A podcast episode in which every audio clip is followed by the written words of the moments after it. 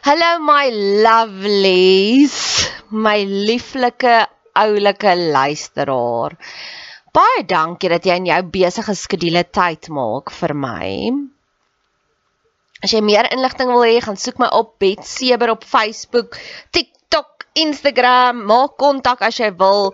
Ek hou daarvan om van my luisteraars te hoor en ek het nou onlangs 'n kort videoetjie gemaak van een van my luisteraars hoe sy die mooiste terugvoer gegee het. So wie weet, dalk gebruik ek jou terugvoer ook iewers as 'n leergeleentheid. Net nog 'n bedelaars gedeeltetjie.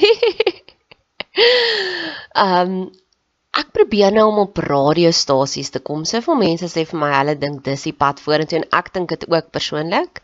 So ek wil iewers graag my eie radioprogram wil hê met hierdie boodskappe van hoop. So luister hierna en as jy voel meer mense moet dalk hiervan hoor, ehm um, ag, doen my 'n guns en stuur dit vir 'n radiostasie. Sê jy luister na hierdie podcast of potgooi en dit inspireer jou so en jy dink ek sal 'n aanwins wees vir hulle. Ek sien in Pretoria gebaseer, so as dit 'n Pretoria Gauteng se radiostasie is, nog beter.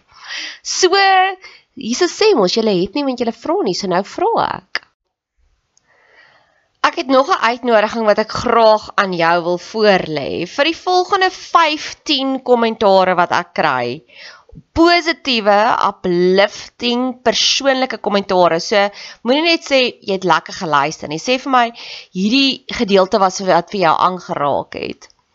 Vir die eerste 15 wat 'n kommentaar lewer, sal ek sal ek met jou kontak maak en ek sal 'n podcast net vir jou maak. Ons kan gesels oor 'n probleem in jou lewe, ons kan gesels oor jou drome, ons kan gesels as jy getuienis het, wat ook al. Ons kan 'n onderhoud voer of ek kan dit 'n podcast opdra na jou toe. Ons kan dit anoniem hou of jy kan jou naam noem net soos wat dit jou pas. Jy is welkom om kommentaar te lewer hier op hierdie podcast kanaal, op ons Instagram, op Facebook, op TikTok, ek's oral. Ek sien uit daarna. Genesis 39. So as jy deur die verhaal lees van Potifar se vrou, ja, mag jy die klein veranderingkies optel. Weet jy wat sien ek heel eerste? Is wat is die patroon van Josef se lewe? Dis die heeltyd autoriteit. Kan jy gaan stil sit by daai oomblik en ook die patroon van jou lewe vir jouself gaan skryf? Josef het autoriteit gehad oor sy broers, hy het die droom gehad. Hy was later in Potifar se huis, daar het hy autoriteit gekry en later in die in die tronk het hy ook autoriteit ge gekry. God laat ons groei van krag tot krag. So as jy gewoond is daaraan dat hierdie is die patrone van jou lewe mag jy dit na elke ander area van jou lewe toe copy and paste. Jy mag sê goed hierdie is waaraan ek gewoond is en dis wat ek vereis van die Here af. En as jy dit nie kry by daai persoon nie is dit so maklik om te sê dalk is hy Potifar se vrou. En ons gaan nou baie oor mevrou Potifar praat. Ons gaan haar in intens van alle kante af bestudeer. Maar wat is die patrone in jou lewe? My eerste patroon wat ek geïdentifiseer het is ek is invloedryk. As ek sê ek hou van daai plek, sal ek vinnig kry dat mense ewe skielik ook dan na daai plek toe gaan. Die tweede een is aandag. Ek kry baie aandag. Mense sien dinge in my raak. So dis die eerste patroon. Ek wil graag hê dat jy so 'n stoktyk moet doen van jou lewe. En jy is welkom om my te gesels. Vertel vir my wat se patrone in jou lewe. Die volgende konsep wat ek by jou wil gaan laat is wat is die narratief van jou storie? Wie vertel jou storie? As 'n mens 'n huisgenoot op daardie stadium in Egipte gekoop het, nê, nee, sou dit skandaal gewees het. Slaaf sl probeer vrou te verkrag. Maar God skryf die narratief. So wanneer jy dalk een of ander label op jou gekry het van jy's 'n moeilikheidmaker, jy's 'n rebel, wat ook al dit is. Myne is Nadia hardloop deur boyfriends. Maar ek gaan sit die hele tyd by God se voete en sê Here, skryf vir my u narratief. Ek wil weet hoe sien u my? En dan kry ek vrede daarmee. Wie vertel jou storie?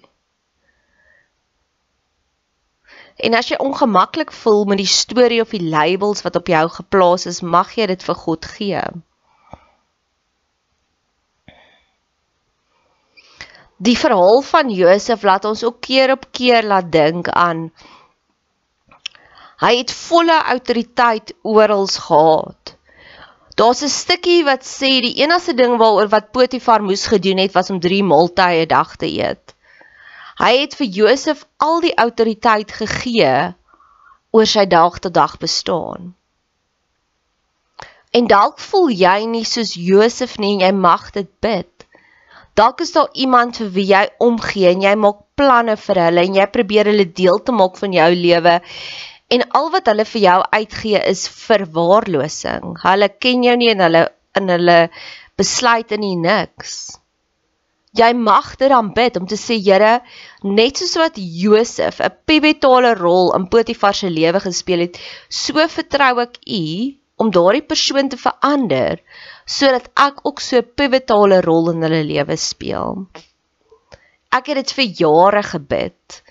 En op 'n stadium toe 'n ex-kerel van my sê Nadia ry saam met my om teels te kies vir sy huis toe weet ek ek's belangrik en op daai oomblik het ek hom gesê sorry ek kan nie nou nie ek is besig met dit toe sê hy goed dan gaan ons môre ek was vir hom so belangrik dat hy kon later aan geen besluit meer maak sonder om my te ken daarin nie en dis wat ons werd is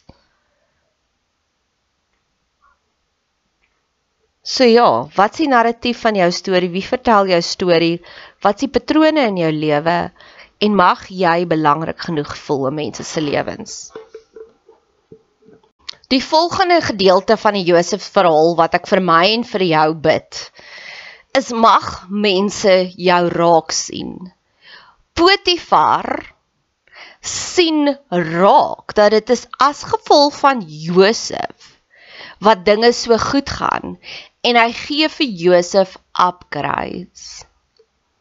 Partykeer sien mense ons nie raak nie en dis nie omdat ek en jy nie awesome is nie, ons is awesome.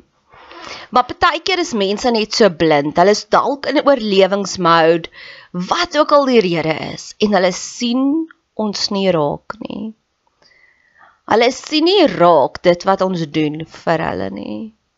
En dit mag jy ook vir die Here gaan gee om te sê Here, ek doen soveel moeite vir hierdie persoon en dit voel vir my niks wat ek doen maak 'n impak op hulle nie en ek gee dit in u hande oor want u is die God wat gekom het. Jesus se meeste genesings was op blinde mense. Dit moet iets vir ons sê. Die een gedeelte van die liggaam wat hy die meeste genees het met die mees verskillende maniere. Partykeer was dit klei op een se oë, ander kere was dit net wat hy 'n woord gespreek het. Dit was die meeste blindes. Wat ek keer op keer doen wanneer ek voel iemand sien my nie raak nie.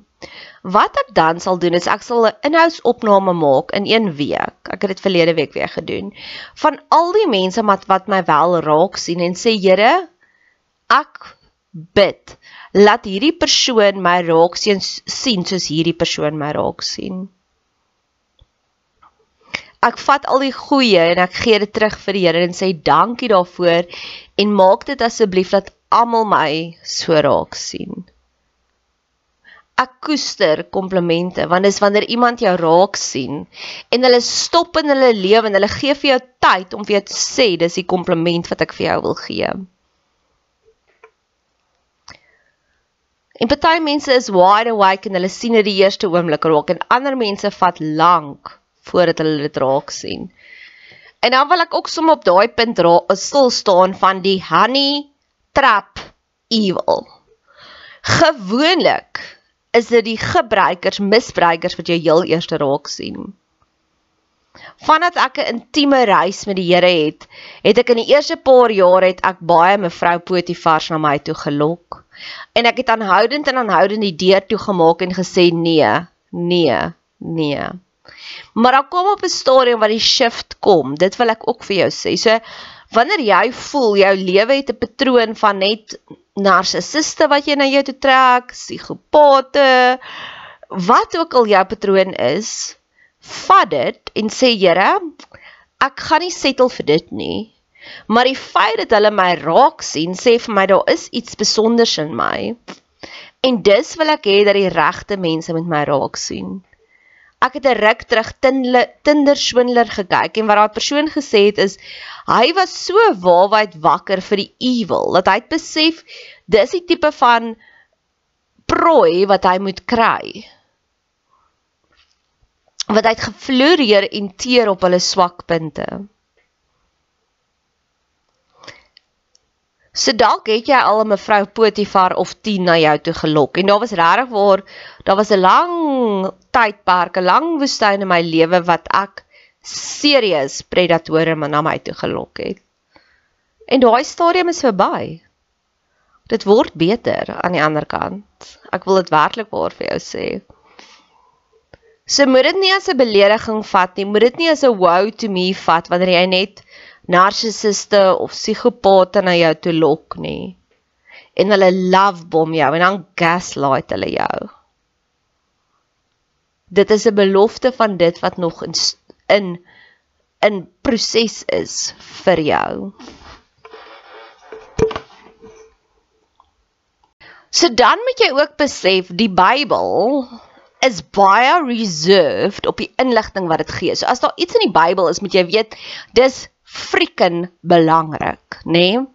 Daar's 'n stukkie wat Johannes sê, as ons alles moes neergeskryf het wat Jesus gedoen het, sal daar nie genoeg plek in hierdie wêreld wees van al die boeke wat ons al volskryf nie. Die Bybel is ongelooflik kondens, want as jy mooi lees, sal jy lees waar het Josef regtig geleer van God? Ons lees nie van daardie verhale wat tussen Jakob en Josef gebeur het waar hy geleer het van God nie.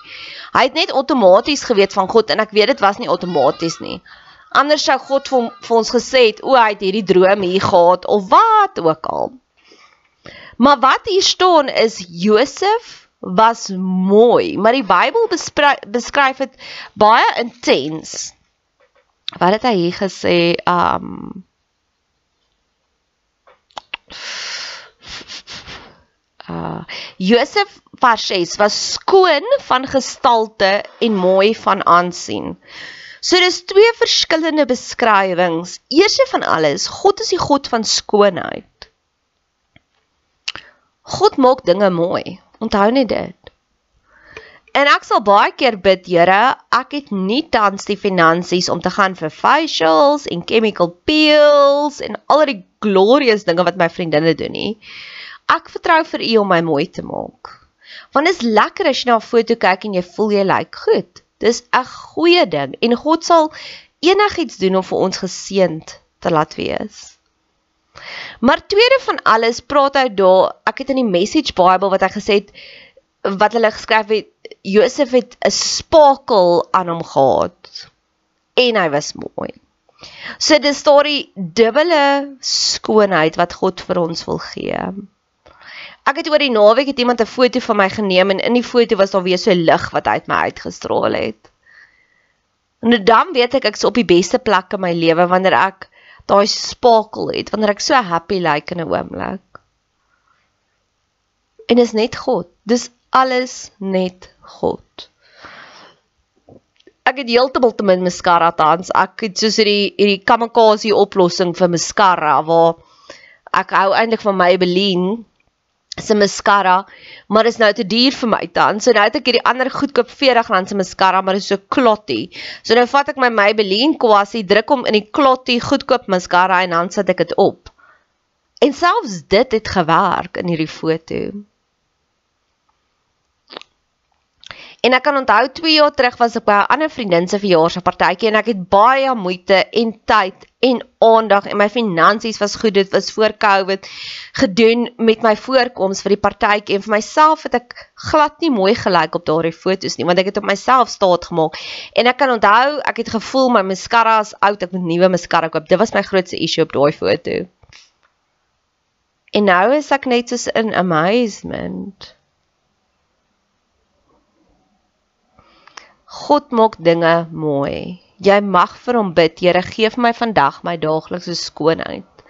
En dalk is dit in jou voorkoms, dalk is dit in jou omgewing. Hier is ons nog 'n storie. Ek's besig met Artist Way En met Artist Dwayne week 5 van 12 weke is die opdrag om 'n altaar te bou vir jou vir die belangrike goed. En ek het dus al my geskenkies gevat en dit daarop uitgestal en verlede week toe het ek soos 'n ekskarel van my wat hierdie bosse en bosse amarellas vir my gebring het. Dit was soveel amarellas en jy gaan Google amarella, dit is 'n baie kosbare, rare blom. En dit was so erg hy het dit by die hekwagte gelos en toe ek dit gaan optel soos die hekwagte se se se reaksie. Hier is te veel blomme in hierdie plek. Dit staan ons hele waghuisie vol. En ek het hierdie blomme kom sit hier op my altaar want God het dit raak gesien en hy het dit ge-upgrade. En ek weet nie wat gaan volgende week in hierdie altaar wees nie, want ek weet God gaan nou oorneem en my bederf. God is die God van skoonheid. En dalk sal hy die skoonheid weer terugbring in 'n verhouding. Waar hierdie verhouding is vir jou mooi. God seën vir Josef in 'n tronk. Ek wil hê jy moet daardie blessing vat en dit ter harte neem. Dit is een van die grootste uitdagings wat ek het met mense wat nog nie heeltemal awakened is nie. Ek bly in 'n piep klein plekkie. Dis baie basies. Ek ry 'n ou kar. Maar ek het hierdie joy en weet jy wat? Dan sal mense wat na my toe kom en wat voel hulle het alles quote aan quote reg gedoen in hulle lewe. Soos hulle het hard gewerk. Hulle het hulle alles workaholics. Hulle het alles wat hulle moet hê. Hulle het 'n huis wat pragtig gedekoreer is. Nou my huis het ou banke. Ek dink die banke is 30 jaar oud en dis granny square geïkelde lappies hierbo op. Byvoorbeeld, nê, nee, en ek kan vir jou nog sulke lang lys van stories vertel.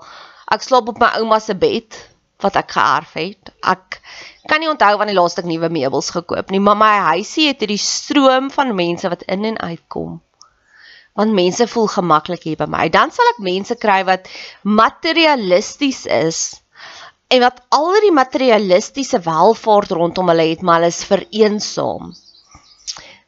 En weet jy wat, dan gee die mense vir my hierdie verskriklike kritiek, soos een familielid het eendag vir my gesê ek's 'n arm blanke. Ek sê ja, ek is waarskynlik materialistiese arm blanke, maar emosioneel is ek skatryk en dis al wat saak maak. En dan fight hierdie mense met my of hierdie mense wat hierdie perfekte huis het, maar niemand kom kuier vir hulle nie. En dan fight hulle of hulle is lelik met my of hulle probeer my af te breek. Want ek, jy sien, net ingetap in daardie God seën my in 'n tronk. Ek het nou eendag met iemand gesels wat corporate is. Nou hulle het 'n IT ou, hulle het 'n D ou, hulle het 'n HR ou. En by ons werk, ons is 'n klein familietjie. So ons het nie 'n IT ou nie, ons het nie 'n HR ou nie, ons sorteer mekaar self uit. Elke persoon wat daar werk, sit 3 mense se werke vol. Want ons is klein, ons is 'n familie. En dan sal hy so gefrustreerd raak want hierdie een moet hy fire, daai een moet hy dissiplinêre ver, verhoor gee, want hy sê in die corporate wêreld omdat elkeen omdat daar soveel hulpbronne is, doen almal bitter min. En ons het nie daai leksheid nie want God seën ons in 'n tronk. God het eers vir Josef as 'n slaaf geseën. Ek wens op daardie stadium kon ons lees wat se verslaaf was daar in die Jakob huishouding, die ander 11 boeties wat hierdie evil Knievel plan gemaak het. Maar ons kan eintlik sien want die vorige verhaal gaan oor Juda en Tamar en daai toksiese geit wat daar aangegaan het. En hoe ongeseend was hulle, hoe vervloek was hulle. Wes is Josef wat geseend is, wat liefde, aanvaarding, aansien gekry het terwyl hy 'n slaaf was. Want dit is die seën van die Here. Die seën van die Here maak ryk. Harde werk voeg daarbey niks toe nie. Wanneer jy 'n geseënde van die Here is, kan hy jou seën in die veld, hy kan jou seën in jou klein arm blanke huisietjie, maar ek love my huis. Ek love jou huis. Jy's gorgeous. Want jy het liefde.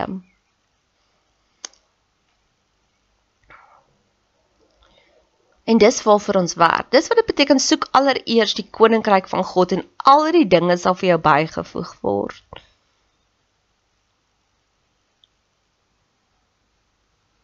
So ja, kyk na jou omstandighede tans en dalk is jy in 'n goeie werk wat corporate resources het.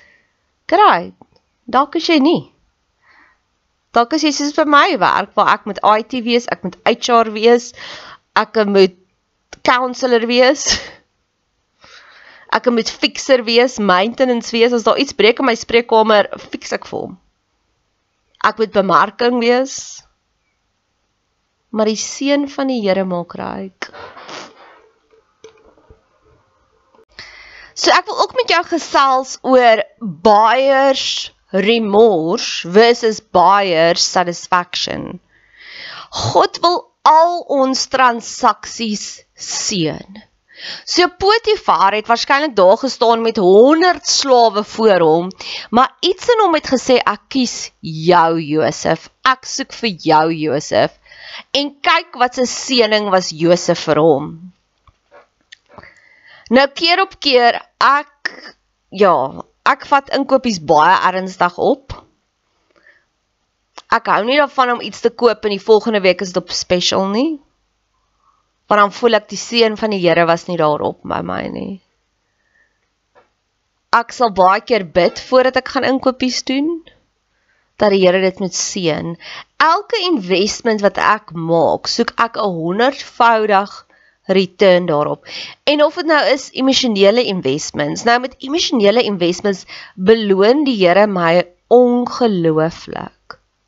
It is the gift that keeps on giving. En mag jy dit ook ervaar. Ek het begin om vir God my HR manager te maak in my lewe om te sê, Here, verwyder die mense uit my lewe uit wat nie meer daar moet wees nie. En maak sommer dat ek van hulle vergeet. Maar maak ook dat die mense wat reg is in my lewe dat hulle daar bly. En so 2 jaar terug het ek begin op 'n skattejag te gaan vir mense. Ek sal iemand ontmoet en dan dink met jou wil ek 'n dieper, beter verhouding hê. En ek sal werk en bid en moeite doen En dan op 'n stadium dan ontpop dit in hierdie pragtige seëning. Ek kan onthou, dit was 3 jaar terug. Dit was die 2019 Wêreldbeker dink ek. En ek was uitgenooi na hierdie groot, dit was een of ander fancy braai, ek kan nie onthou. Ek het nog nie saak nie. Um wat ook al dit was nie. En dit was 'n groot braai en daar was baie mense van ons gemeenskap daar. En die gasvrou het ek gedink, ek soek vir jou as 'n vriendin. En ek het al begin chase en vol gesê word deel van ons. Hier is ons vriendekring. Kom ek en jy gaan stap saam.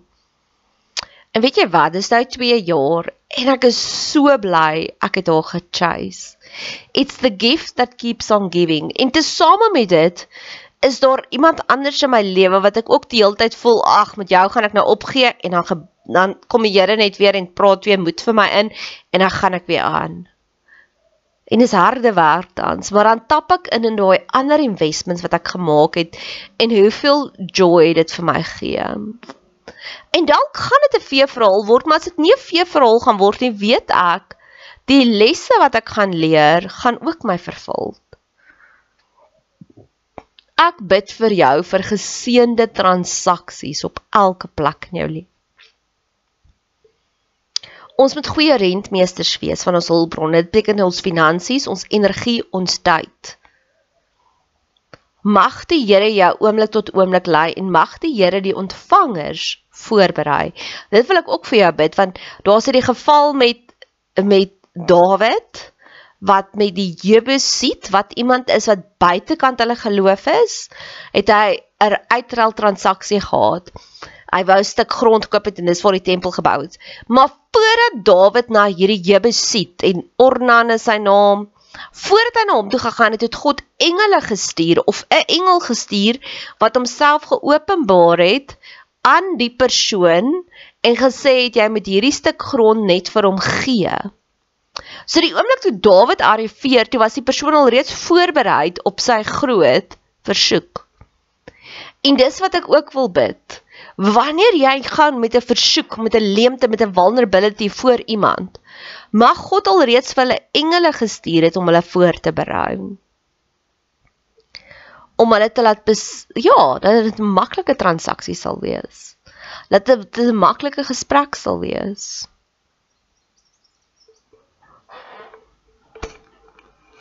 Okay, so nou wil ek stil staan by Potifar se vrou. Potifar se vrou sê die hele tyd Josef het gekom om gek te skeer met ons. Dit was Judas se se grootste issue ook. Hy het ook gesê gee maar net vir Tamar wat sy wil hê want anders gaan mense begin gek skeer met my. Ishmael het ook met Isak gek geskeer. So dis daai patroon wat die hele tyd kom? Nee, hulle maak grappies of mense het 'n vrees dat hulle soos 'n fool like.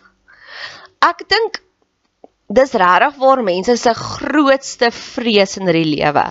Hulle gee nie genoeg aandag nie. Hulle doen nie die groot romantiese gebare nie want hulle is bang. Hulle lyk like soos 'n fool op die ou ende van die dag.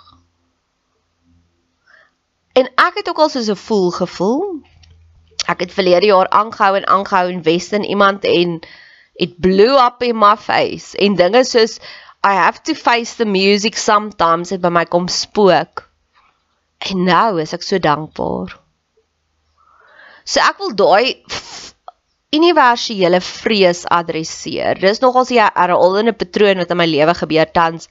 Ek sal voel ek struggle met iets en dan hoe meer ek met mense praat dan voel ek o, almal struggle eintlik. Meer dan is dit soos okay, jy het nou universele roeping op jou mense wat nie dinge wil doen nie want hulle is bang, hulle lyk like soos 'n fool. Mag God En ek besef nou net ek het nou-nou gepraat van die bosse blomme wat ek gekry het. Daai persoon moes waarskynlik gevoel het hy gaan soos 'n fool lekker en hy het dit nog steeds gedoen. Mag God soos dit hy vir ag ek vergeet Gideon, die engel gestuur het om te sê staan op jou dapper man.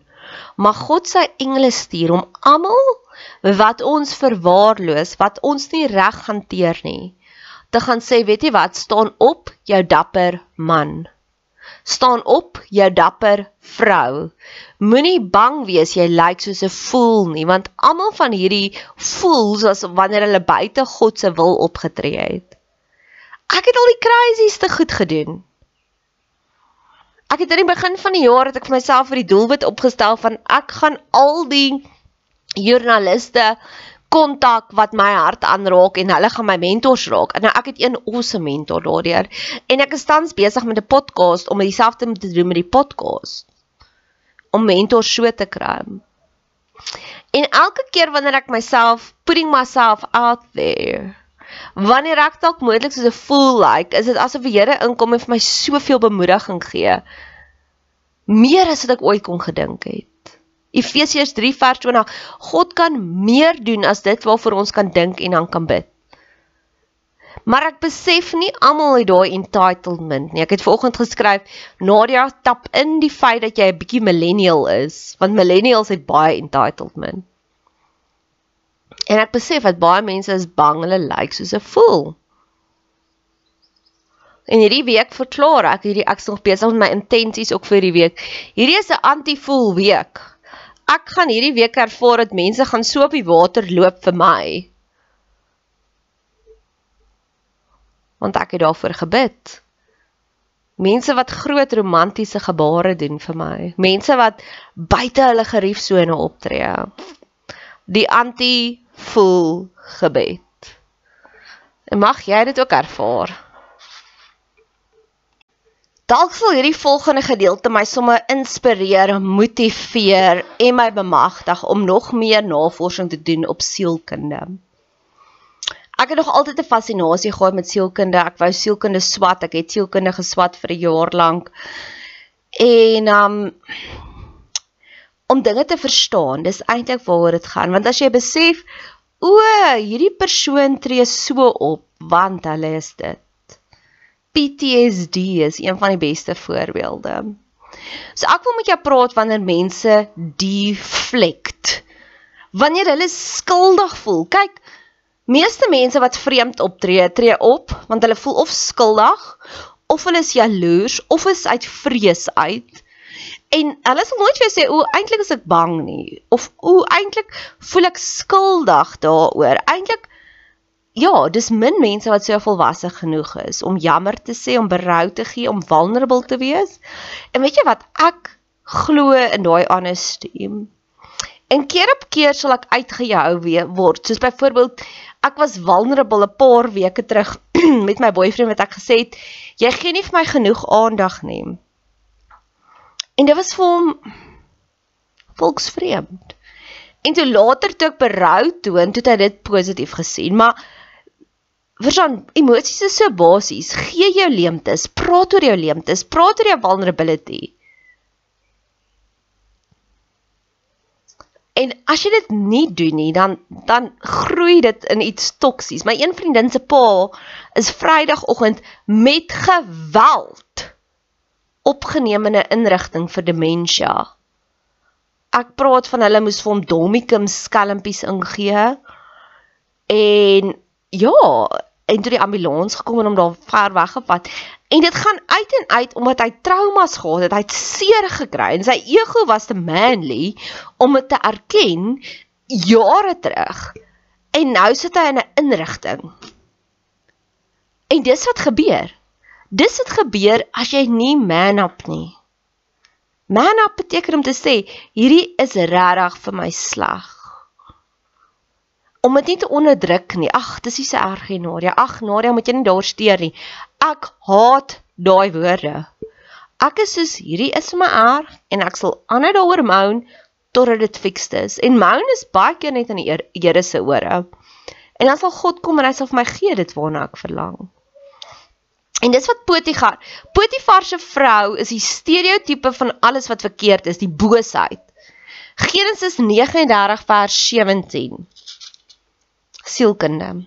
En sy het hom met dieselfde woorde aangespreek en gesê: "Die Hebreëse knegg wat jy vir ons hier gebring het, het aan my gekom om met my gek te skeer." Met ander woorde, in plaas daarvan om te man up, nê? Nee, plaas sy sy deflek, sy projekteer hierdie skuld op haar man en sy sê dis jou skuld. Weet jy wat? As mense projekteer op jou, dis nooit jou skuld nie. Ons elkeen is verantwoordelik vir ons eie emosies. Jy kan nie iemand kwaad maak nie. Hulle besluit self hulle is kwaad. Jy kan nie iemand offend nie. Hulle besluit self hulle is offended. En weet jy wat se wat se ligte lewe gee dit vir ons? Niks wat jy doen moet 'n impak hê op iemand anders nie. Dis waarop dit neerkom. Jy is verantwoordelik vir jou eie geluk, vir jou eie vrede, vir jou eie verhouding met God. En dis wat hier gebeur. Sy was in the wrong. Sy was stout. En in plaas daarvan om te man up en te sê, "Oepsa, my liewe man, ek het groot nonsens aangejaag." Is daar nog 'n nog 'n injustice. Jy het hierdie man nie aangebring. Die oomblik wanneer iemand jou aanval, jy. In die begin van die jaar het ek 'n gesprek gehad met my pa en hy was sielsongelukkig omdat ek nie saam met hom met vakansie wou gaan het en hy het deeltyd gesê jy dit, jy dit, dat, jy dit. En dit was my daai oomblik van jou lewe is wondersaam so vervul te wees. Geen om wie saam met jou met vakansie gaan nie. Dis nie my verantwoordelikheid om vir jou joy te bring nie.